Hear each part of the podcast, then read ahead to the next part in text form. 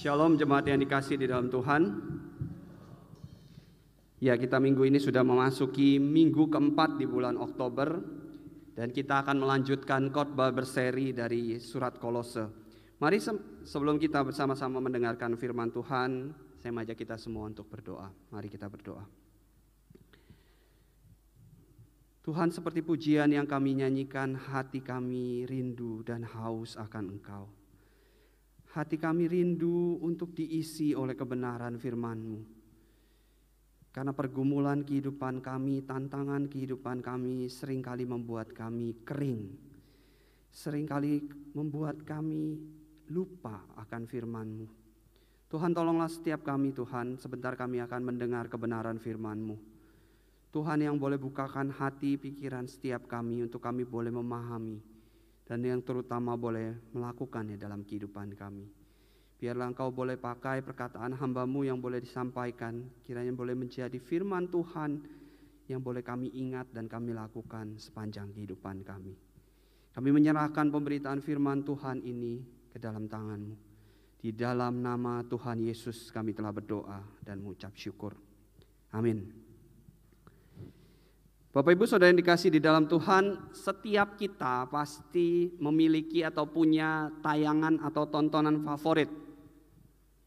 Buat kita mungkin yang uh, generasi sebelumnya mungkin tayangan favorit kita di siaran televisi, tapi buat orang-orang yang sekarang mungkin tayangan favoritnya ada di aplikasi atau platform-platform streaming zaman sekarang, ya.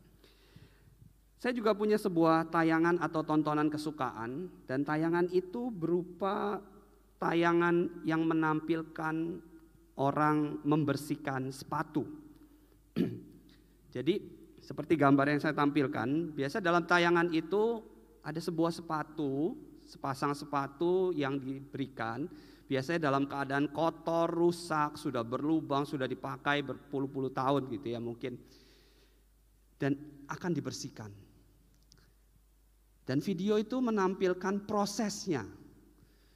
Video itu menampilkan prosesnya bagaimana sepatu yang datang dalam keadaan kotor, rusak, dan sudah banyak noda dan kerusakan lainnya, itu dibersihkan, kemudian dicuci, kemudian dicat ulang bagian-bagian yang mungkin sudah mengelupas, bagian solnya mungkin yang sudah haus dijahit ulang, diganti dengan yang baru kemudian dilapisi dengan pelindung dan jadilah seperti baru lagi, seperti gambar yang di bawah itu. Ketika saya melihat tayangan ini, saya kemudian berefleksi dan melihat kita itu seperti sepatu-sepatu ini di hadapan Tuhan.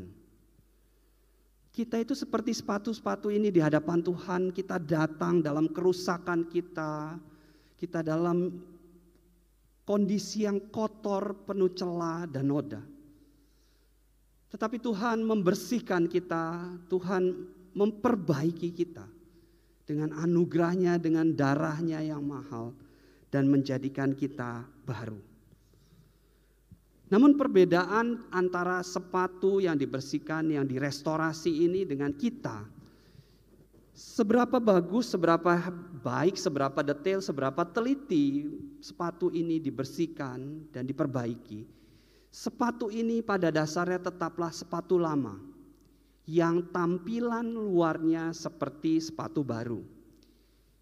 Sepatu ini adalah sepatu lama yang tampilannya seperti ketika kita masih membeli. Tetapi berbeda dengan setiap kita, Bapak Ibu. Tuhan memperbaiki kita bukan bagian luarnya justru. Ia menyelesaikan permasalahan kita yang paling utama dan ia menjadikan kita manusia baru. Manusia baru adalah identitas yang diberikan Tuhan kepada kita. Seperti yang dikatakan di dalam surat 2 Korintus 5 ayat 17. Yang dikatakan karena di dalam Kristus yang lama sudah berlalu dan sesungguhnya yang baru sudah datang. Di dalam Kristus kita adalah ciptaan baru. Yang lama sudah berlalu, yang baru sudah datang. Itu identitas kita. Dan kita harus hidup sesuai dengan identitas kita sebagai manusia baru. Dan itulah yang akan menjadi khotbah saya yang akan saya sampaikan pada hari ini bagaimana kita hidup sebagai manusia baru. Mari saya mengajak kita semua untuk membuka bagian firman Tuhan dari Kolose 3. Kita akan melanjutkan pembahasan kita dari Kolose 3 pasal yang kelima sampai ayat yang ke-17. Kolose pasal 3 ayat yang kelima sampai dengan ayat yang ke-17. Kita akan membacakan beberapa bagian yang menjadi poin penekanan khotbah saya pada hari ini. Kita akan membacakan secara bersama-sama ayat yang kelima, ke-8, dan ke-12. Ayat yang kelima, ke-8, dan ke-12. Mari kita membacakan sama-sama Kolose pasal 3 ayat yang kelima, 8, dan ke-12. Demikianlah firman Tuhan. Karena itu, matikanlah dalam dirimu segala sesuatu yang duniawi, yaitu percabulan, kenajisan, hawa nafsu, nafsu jahat, dan juga keserakahan yang sama dengan penyembahan berhala. Ayat yang ke-8, tetapi sekarang buanglah itu, yaitu marah, geram, kejahatan, fitnah, dan kata-kata kotor yang keluar dari mulutmu. Ayat yang ke-12, karena itu, sebagai orang-orang pilihan Allah yang dikuduskan dan dikasihinya, kenakanlah belas kasihan, kemurahan, kerendahan hati, kelemah lembutan, dan kesabaran. Amin. Berbahagialah setiap kita yang boleh membaca, merenungkan, dan terutama melakukan firman Tuhan itu dalam kehidupan kita. Saya akan memberikan kalimat yang merangkum inti keseluruhan dari khotbah saya bahwa menjadi manusia baru dimulai dari hati yang diubahkan oleh Injil Kristus. Pikiran yang diperbaharui dan nyata dalam tindakan. Menjadi manusia baru dimulai dari hati yang diubahkan oleh Injil Kristus. Kemudian mempengaruhi pikiran, memperbarui pikiran kita dan nyata dalam perbuatan. Kita hafalkan bersama-sama ya Bapak Ibu, bahwa menjadi manusia baru dimulai dari hati yang diubahkan oleh Injil Kristus, pikiran yang diperbaharui dan nyata dalam tindakan. Hati yang diubahkan, pikiran yang diperbarui, nyata dalam tindakan. Tadi di kebaktian ibadah satu saya minta untuk menghafalkannya. Kalau sudah hafal boleh pulang ya Bapak Ibu. Karena inti khotbah saya ini. Jadi kita boleh pulang ya setelah ini. Jadi ini menggambarkan apa yang mau saya sampaikan bahwa starting pointnya bukan pada perbuatan, bukan pada apa yang kita lakukan untuk Tuhan, tetapi apa yang Tuhan lakukan untuk kita. Ia mengubahkan hati kita. Hati kita diubahkan terlebih dahulu mempengaruhi pikiran kita, dan itu nyata di dalam tindakan kita. Injil yang kita terima itu tidak pernah bisa diam di dalam hati kita untuk pribadi kita. Injil itu akan terus bergerak, memperbaharui, mengubah seluruh kehidupan kita. Ini adalah proses yang akan kita jalani. Tetapi proses ini bukan sekedar masalah waktu tetapi berbicara soal bagaimana kita mau menyerahkan diri sepenuhnya untuk dirubahkan. Maukah kita berproses bersama dengan Tuhan? Karena sering kali di dalam kehidupan kita yang kita jalani, kita sering kali melihat bahwa orang Kristen udah lama ke gereja, udah lama kenal Tuhan, udah jadi pengurus bertahun-tahun, udah jadi majelis, bahkan jadi hamba Tuhan. Kita masih bisa bertanya-tanya, kok bisa ya orang ini melakukan ini? Beberapa waktu lalu ada beberapa kasus yang cukup besar, pembunuhan, korupsi. Ini baru-baru lagi ada proses kasus pembunuhan yang melibatkan orang Kristen. Bahkan yang terakhir hamba Tuhan, pernah sekolah teologi. Ini membuktikan ini bukan bicara soal waktu berapa lama, sudah berapa banyak kamu belajar tentang firman Tuhan tapi bagaimana penyerahan keseluruhan hidup kita mau diproses. Dan inilah yang dihadapi oleh Rasul Paulus di dalam jemaat di Kolose. Seperti yang dijelaskan di minggu-minggu sebelumnya, bahwa tantangan utama dari jemaat di Kolose adalah tantangan pengajaran palsu. Mereka menekankan pengajaran palsu yang menekankan pada tradisi dan penyembahan berhala. Tradisi ditekankan oleh orang-orang Yahudi. Yahudi yang ada di sana, yang tinggal di sana, bahwa menekankan kalau kamu jadi Kristen, kamu mesti melakukan hukum Taurat, kamu mesti disunat, kamu mesti jaga makanan, ini ada makanan halal dan haram dan sebagainya. Ada hari baik, hari tidak baik atau juga menekankan pada penyembahan berhala di mana sebagian besar orang-orang Kolose juga masih menyembah kepada patung-patung. Jadi secara identitas orang-orang Kolose itu Kristen. Tapi dalam praktek ibadah, praktek kehidupan, mereka nggak ada bedanya dengan orang-orang Kolose yang tidak Kristen. Dan inilah problem yang dihadapi oleh jemaat di Kolose hari ini. Dan juga kita hadapi saat ini. Makanya Injil firman Tuhan yang saya sampaikan ini sangat relate dengan kita. Bahwa bukan masalah berapa lama kita jadi orang Kristen. Tapi seberapa kita mau menyerahkan diri kita untuk mau dibentuk. Injil firman Tuhan yang sudah kita kenal, yang sudah pernah kita dengar, itu seberapa banyak mempengaruhi kehidupan kita, merubahkan kita.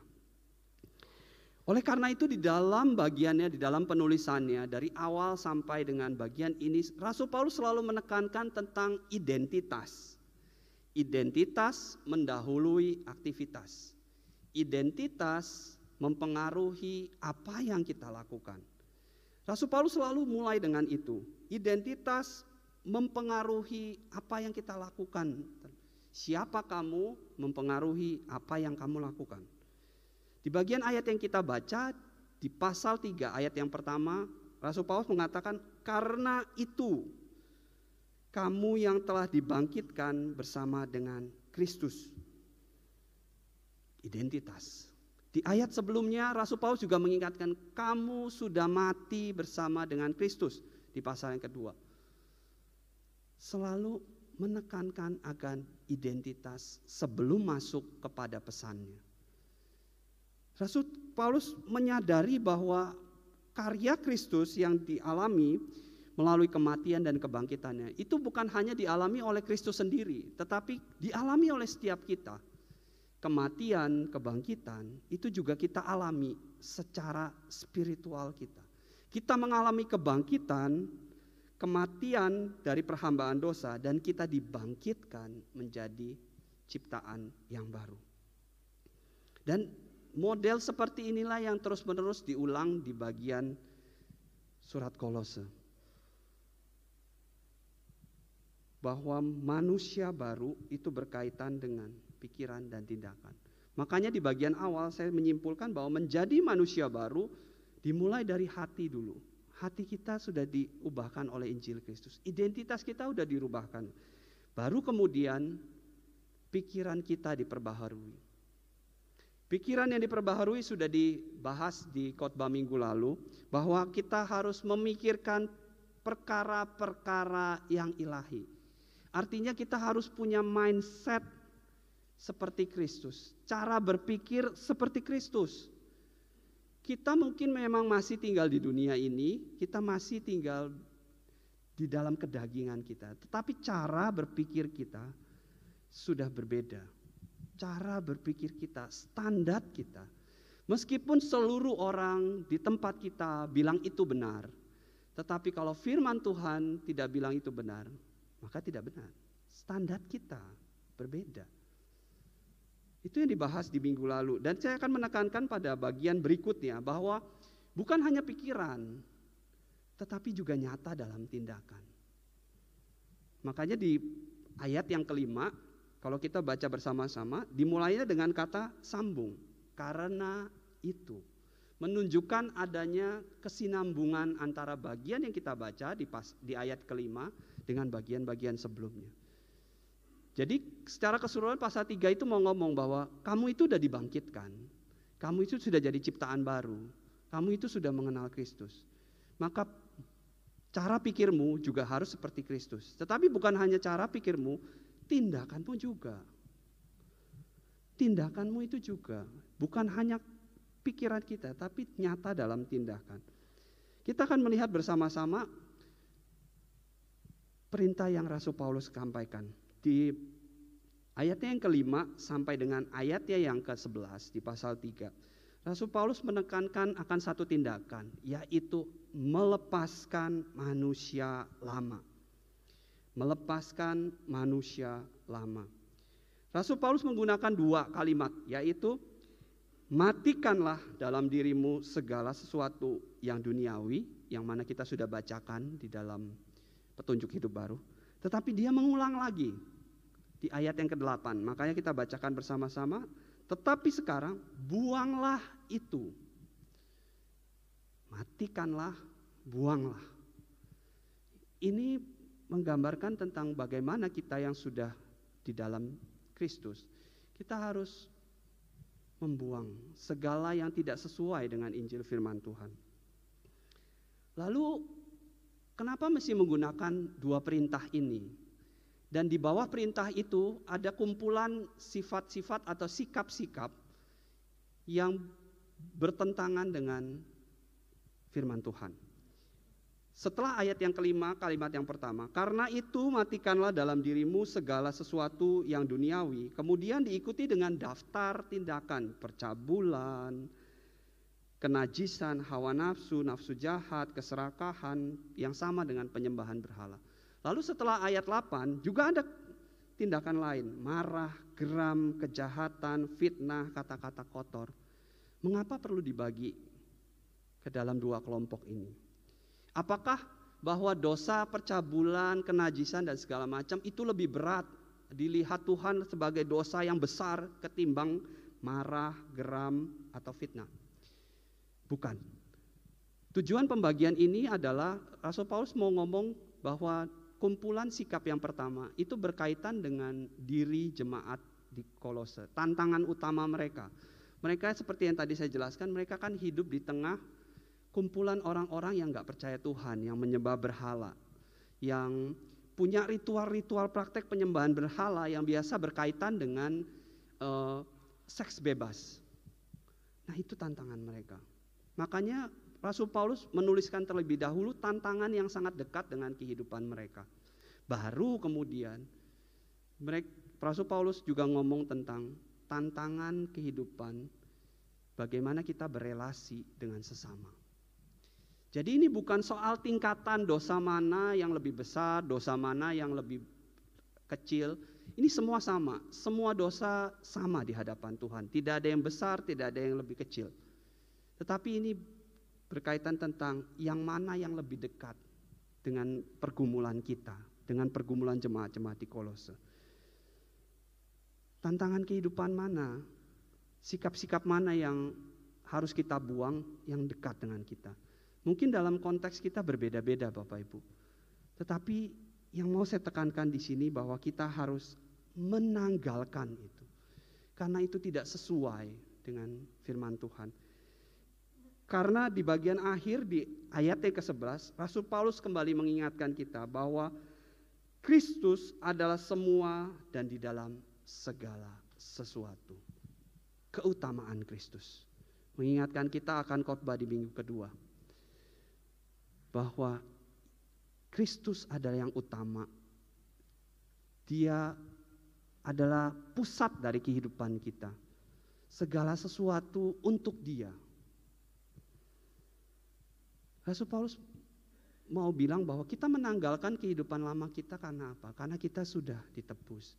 Karena kehidupan kita itu harus menuju berpusat kepada Kristus. Itu perintah pertama yang harus dilakukan. Tetapi tidak berhenti sampai di situ, tidak berhenti hanya kita melepaskan. Rasul Paulus melanjutkan dengan bagian berikutnya, yaitu di pasal ke-12 dikatakan kenakanlah kenakanlah di ayat ke-12 di kalimat yang pertama Rasul Paulus kembali mengingatkan akan identitas lagi bahwa kamu adalah orang-orang pilihan yang dikuduskan dan dikasih. Ayat ini mau bilang tentang apa? Bahwa menjadi orang Kristen itu bukan hanya berhenti kamu lepaskan. Udah saya tidak melakukan dosa saya lagi. Saya sudah tidak hidup seperti manusia lama lagi kemudian saya berhenti. Enggak. Ada tindakan aktif yang harus dilakukan berikutnya yaitu kita hidup melakukan sesuai dengan firman Tuhan. Kita memiliki belas kasihan, kemurahan, kerendah hati, kelemah lembutan, kesabaran. Itu yang harus kita kejar, yang harus kita kenakan sebagai identitas kita. Jadi ketika kita saat ini baju kita kotor, terus kita mau ganti, kita lepaskan. Terus nggak mungkin kan kita tetap telanjang, kita nggak ngapa-ngapain. Kita harus mengenakan pakaian baru sebagai identitas kita. Dan inilah yang disampaikan Rasul Paulus. Bahwa kamu bukan hanya berhenti pada menanggalkan. Iya saya tidak melakukan kehidupan lama saya lagi. Saya mungkin dulu kehidupan lama saya penuh amarah, penuh dengan kekerasan. Saya tidak melakukan. Tapi bukan hanya berhenti sampai situ. Saya sekarang mengendalikan identitas yang baru. Saya penuh kasih, penuh kelemah lembutan, saya penuh dengan kesabaran. Dan itu adalah proses yang harus kita jalankan. Proses menanggalkan kehidupan lama dan mengenakan kehidupan baru merupakan proses yang sudah terjadi, sedang terjadi, dan akan terus-menerus terjadi dalam diri kita. Jangan berpikir bahwa kita sudah menanggalkan itu sudah kita sudah selesai. Tetapi ini adalah proses yang harus kita jalani seumur hidup kita.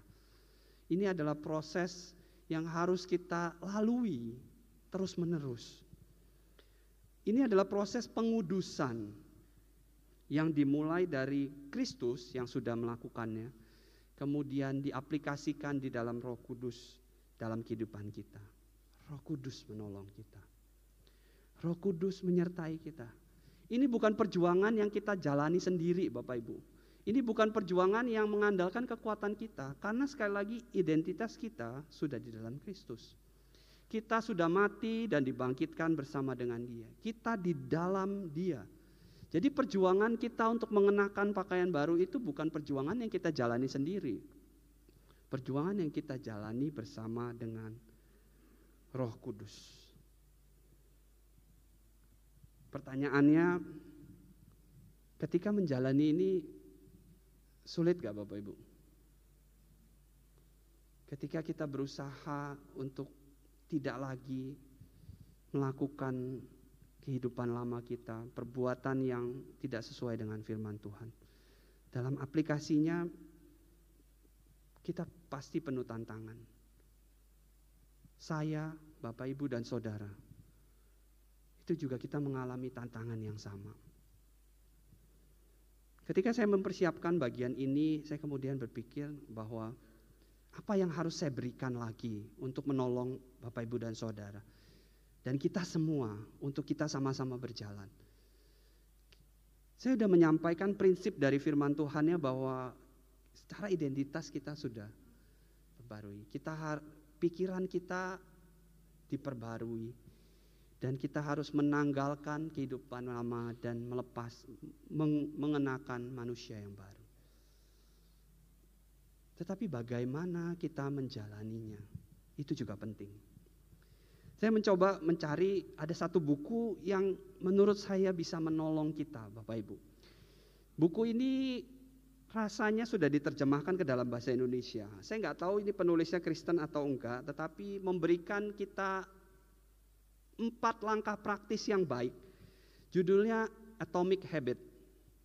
Saya rasa sudah diterjemahkan ke dalam bahasa Indonesia ya.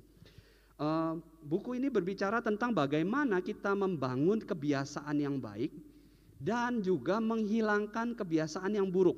Nah, lengkap. Jadi dia memberikan di dalam buku ini, saya berikan gambar empat langkah untuk membangun kebiasaan yang baik dan empat langkah untuk membangun me, menghilangkan kebiasaan yang buruk. Langkahnya sangat praktis sekali, mungkin bisa kita gunakan dalam kehidupan kita untuk kita menanggalkan manusia lama dan mengenakan manusia baru. Empat langkahnya ini apa?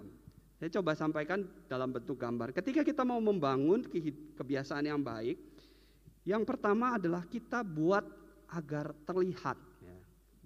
Buku itu menggunakan penulis buku itu menggunakan kata make it obvious buat itu terlihat. Terus kemudian buat itu atraktif, make it attractive. Terus kemudian make it easy, buat mudah. Dan juga buat itu memuaskan, make it satisfying. Kalau kita mau menghilangkan ya tinggal dibalik aja. Jadi buat itu tidak terlihat, buat itu tidak menarik, buat itu sulit dan buat itu tidak memuaskan. Nah, gimana contohnya? Saya berikan contoh aplikasinya ya. Ketika kita contohnya mau membangun kebiasaan baik membaca Alkitab. Sulit kan Bapak Ibu? Mungkin kita biasa ikut program baca Alkitab satu dua bulan awal berhasil, mulai ketinggalan, lama-lama di akhir tahun selesai.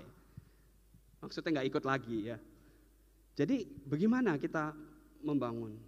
Buku ini berbicara tentang bagaimana kita membangun kebiasaan dari hal-hal yang kecil, yang mungkin kelihatan nggak signifikan, tapi baik untuk jangka panjang.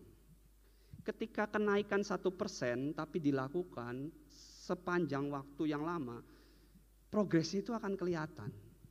Jadi buku ini mengajarkan perubahan-perubahan yang kecil, yang atomik gitu, yang bahkan mungkin kita nggak lihat gitu, nggak signifikan tapi ketika kita lakukan dalam jangka waktu yang lama akan berdampak besar. Contohnya ketika kita mau membangun kebiasaan baca Alkitab.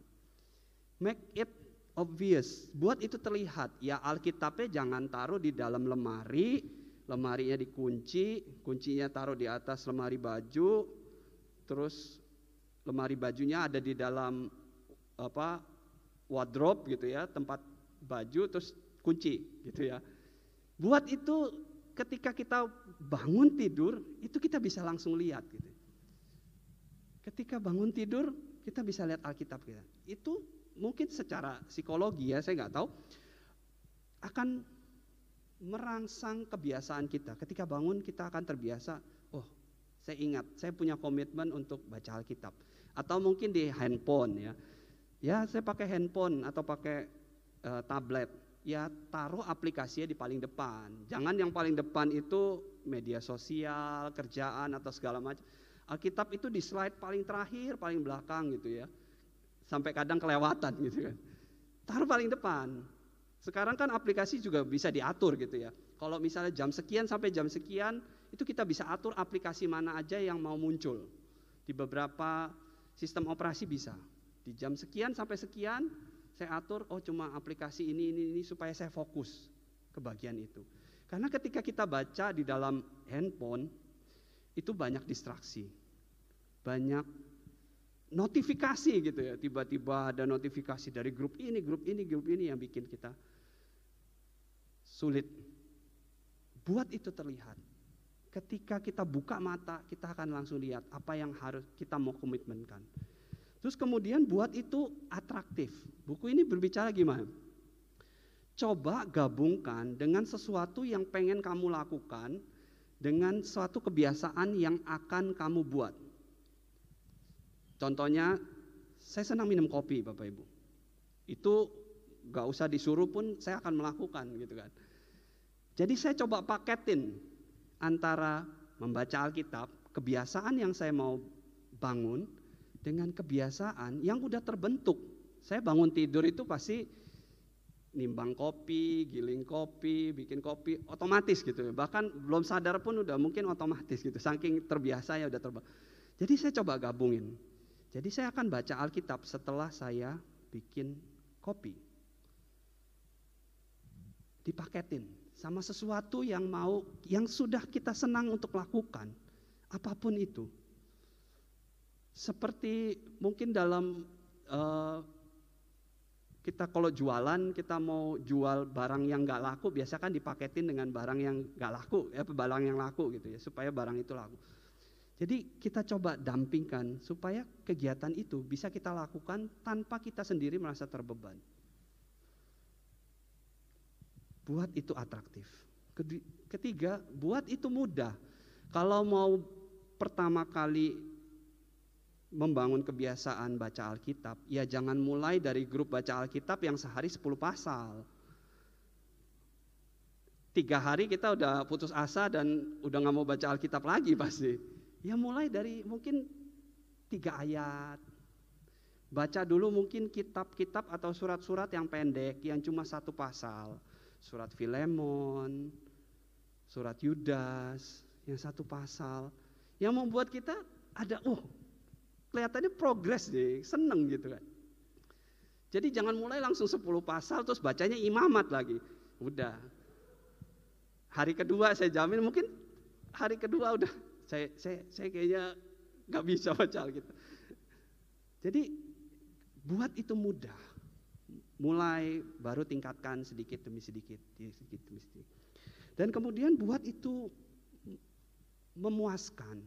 Kita coba buat reward-reward, self-reward buat diri kita. Ketika saya berhasil menyelesaikan mungkin tiga surat, saya coba uh, memberikan reward kepada diri saya. Oh mungkin saya bisa libur sehari.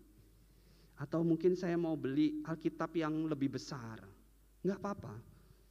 Itu membangun kebiasaan kita supaya kebiasaan yang mau kita bangun ini itu bisa terbentuk menjadi kebiasaan yang baru. Kalau kita mau hilangkan kita tinggal balik.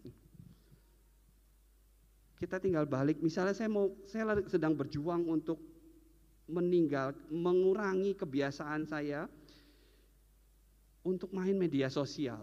Karena istri saya komplain, kamu itu ansos gitu ya, apa? Out, uh, ini terlalu fokus sama media sosial. Jadi ketika saya waktu istirahat, me time saya, saya fokusnya nggak sama istri. Jadi ngeliatin medsos saya berjam-jam tanpa saya sadari gitu. Jadi saya coba berpikir bagaimana. Ya, saya coba buat media sosial itu tidak terlihat. Jadi saya atur. Kebetulan di aplikasi handphone saya itu saya bisa atur. Di jam-jam sekian saya singkirkan. Karena kan kita nggak bisa lepaskan seutuhnya dari media sosial kan. Saya coba di jam-jam tertentu, jam kerja, terus jam istirahat, jam-jam saya bersama istri, saya matikan sampai bisa kita, atur untuk notifikasinya nggak muncul. Jadi di jam sekian, jam sekian saya fokus kepada aplikasi yang penting. Mungkin WhatsApp, mungkin karena kita nggak tahu mungkin ada berita mendadak yang sampai kita kan nggak boleh juga terputus dari komunikasi. Jadi saya singkirkan aplikasi. Saya juga coba mulai dengan saya puasa media sosial selama tujuh hari, nggak mungkin, agak susah. Saya coba berapa jam, terus kemudian naik, saya naikkan lagi. Dengan begitu saya berusaha menghilangkan ketergantungan saya ketika saya melihat medsos terlalu lama. Aplikasi dari empat langkah ini bisa Bapak terap, Bapak Ibu terapkan. Kalau mau detail lagi mungkin bisa beli bukunya. Rasanya seingat saya di Gramedia sudah ada. Bisa beli, bisa coba baca. Ini sangat praktis sekali. Langkah-langkahnya bisa kita terapkan. Tetapi di bagian akhir saya mau mengingatkan. Buku ini juga taruh bagian ini di bagian bab paling pertama bahwa empat langkah tersebut itu cuma berbicara tentang hasil dan proses. Perubahan akan berlangsung signifikan ketika yang dirubah pertama kali itu identitasnya. Jadi dia berikan tiga layer perubahan. Identity, system, dan outcome. Nah selama ini kita terjebak pada merubah hasil atau merubah sistem saya mau kurus, ya kan? Saya mau turun berat badan, saya mau olahraga lari setiap hari. Itu kan berbicara tentang outcome atau sistem, tidak berbicara identitinya itu loh. Buku ini kasih contoh satu yang sangat baik. Tapi mohon maaf, ini contohnya seorang perokok. Ada dua orang perokok yang berusaha untuk berhenti merokok. Kemudian dites diberikan uh, tawaran merokok gitu kan. Ketika dia mereka udah berhenti nih, komitmen untuk berhenti, kemudian ditawarkan mau ngerokok nggak? Yang orang pertama menjawab, saya lagi berhenti merokok. Orang kedua menjawab, saya bukan perokok. Jawaban pertama memang kelihatan masuk akal, kata buku itu, tetapi masih menggambarkan bahwa identitas dia sebenarnya perokok yang sedang berhenti merokok. Identitasnya tetap, tapi dia coba berubah sistem dan proses hasilnya. Tetapi orang kedua sudah mengidentifikasi dirinya bahwa saya bukan perokok. Dan itu yang penting. Kenapa kita baca Alkitab? Kenapa kita harus berdoa? Kenapa kita harus berbuat baik? Karena saya, identitas saya sudah mengalami anugerah Tuhan. Saya adalah anak-anak Tuhan, anak-anak Allah yang sudah mengalami kasihnya yang begitu besar, sudah mengalami kemurahannya yang begitu besar. Karena itu saya mau mendengarkan kata-kata Tuhan. Saya mau mendengarkan itu melalui pembacaan Alkitab saya. Saya mau berkomunikasi terus dengan Allah Bapa saya. Identitas. Makanya di bagian ini saya selalu menekankan identitas. Sadari identitas kita Bapak Ibu. Kita adalah orang-orang yang telah mengalami anugerah Tuhan. Mari bersama-sama di dalam proses kita melepaskan manusia lama, mengenakan manusia baru.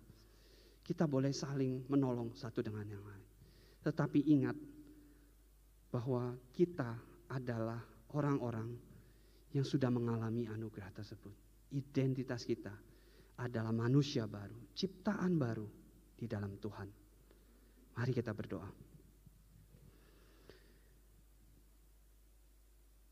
Tuhan firmanmu sudah selesai disampaikan. Tetapi biarlah firmanmu ini mengingatkan setiap kami bahwa kami adalah anak-anakmu. Kami orang-orang yang telah mengalami anugerahmu yang begitu besar. Anugerahmu yang begitu mahal. Yang tidak dapat kami beli dan bayar dengan apa pun. Kami adalah manusia baru. Dan di dalam engkau Tuhan memproses setiap kami. Sertai kami dalam perjalanan proses ini. Sertai kami ketika kami menanggalkan manusia lama kami dan mengenakan manusia baru. Tuhan yang boleh tolong setiap kami. Tolong di dalam pergumulan kami. Kiranya Tuhan yang boleh memberikan kekuatan. Kiranya komunitas kami di gereja ini juga boleh saling mendukung satu dengan lain. Ketika kami sulit untuk lepas dari kehidupan kami yang lama. Tuhan yang boleh pakai komunitas ini, gereja ini. Terima kasih Tuhan, terima kasih. Kami menyerahkan kehidupan kami ke dalam tangan Di dalam nama Tuhan Yesus kami telah berdoa dan mengucap syukur. Amin.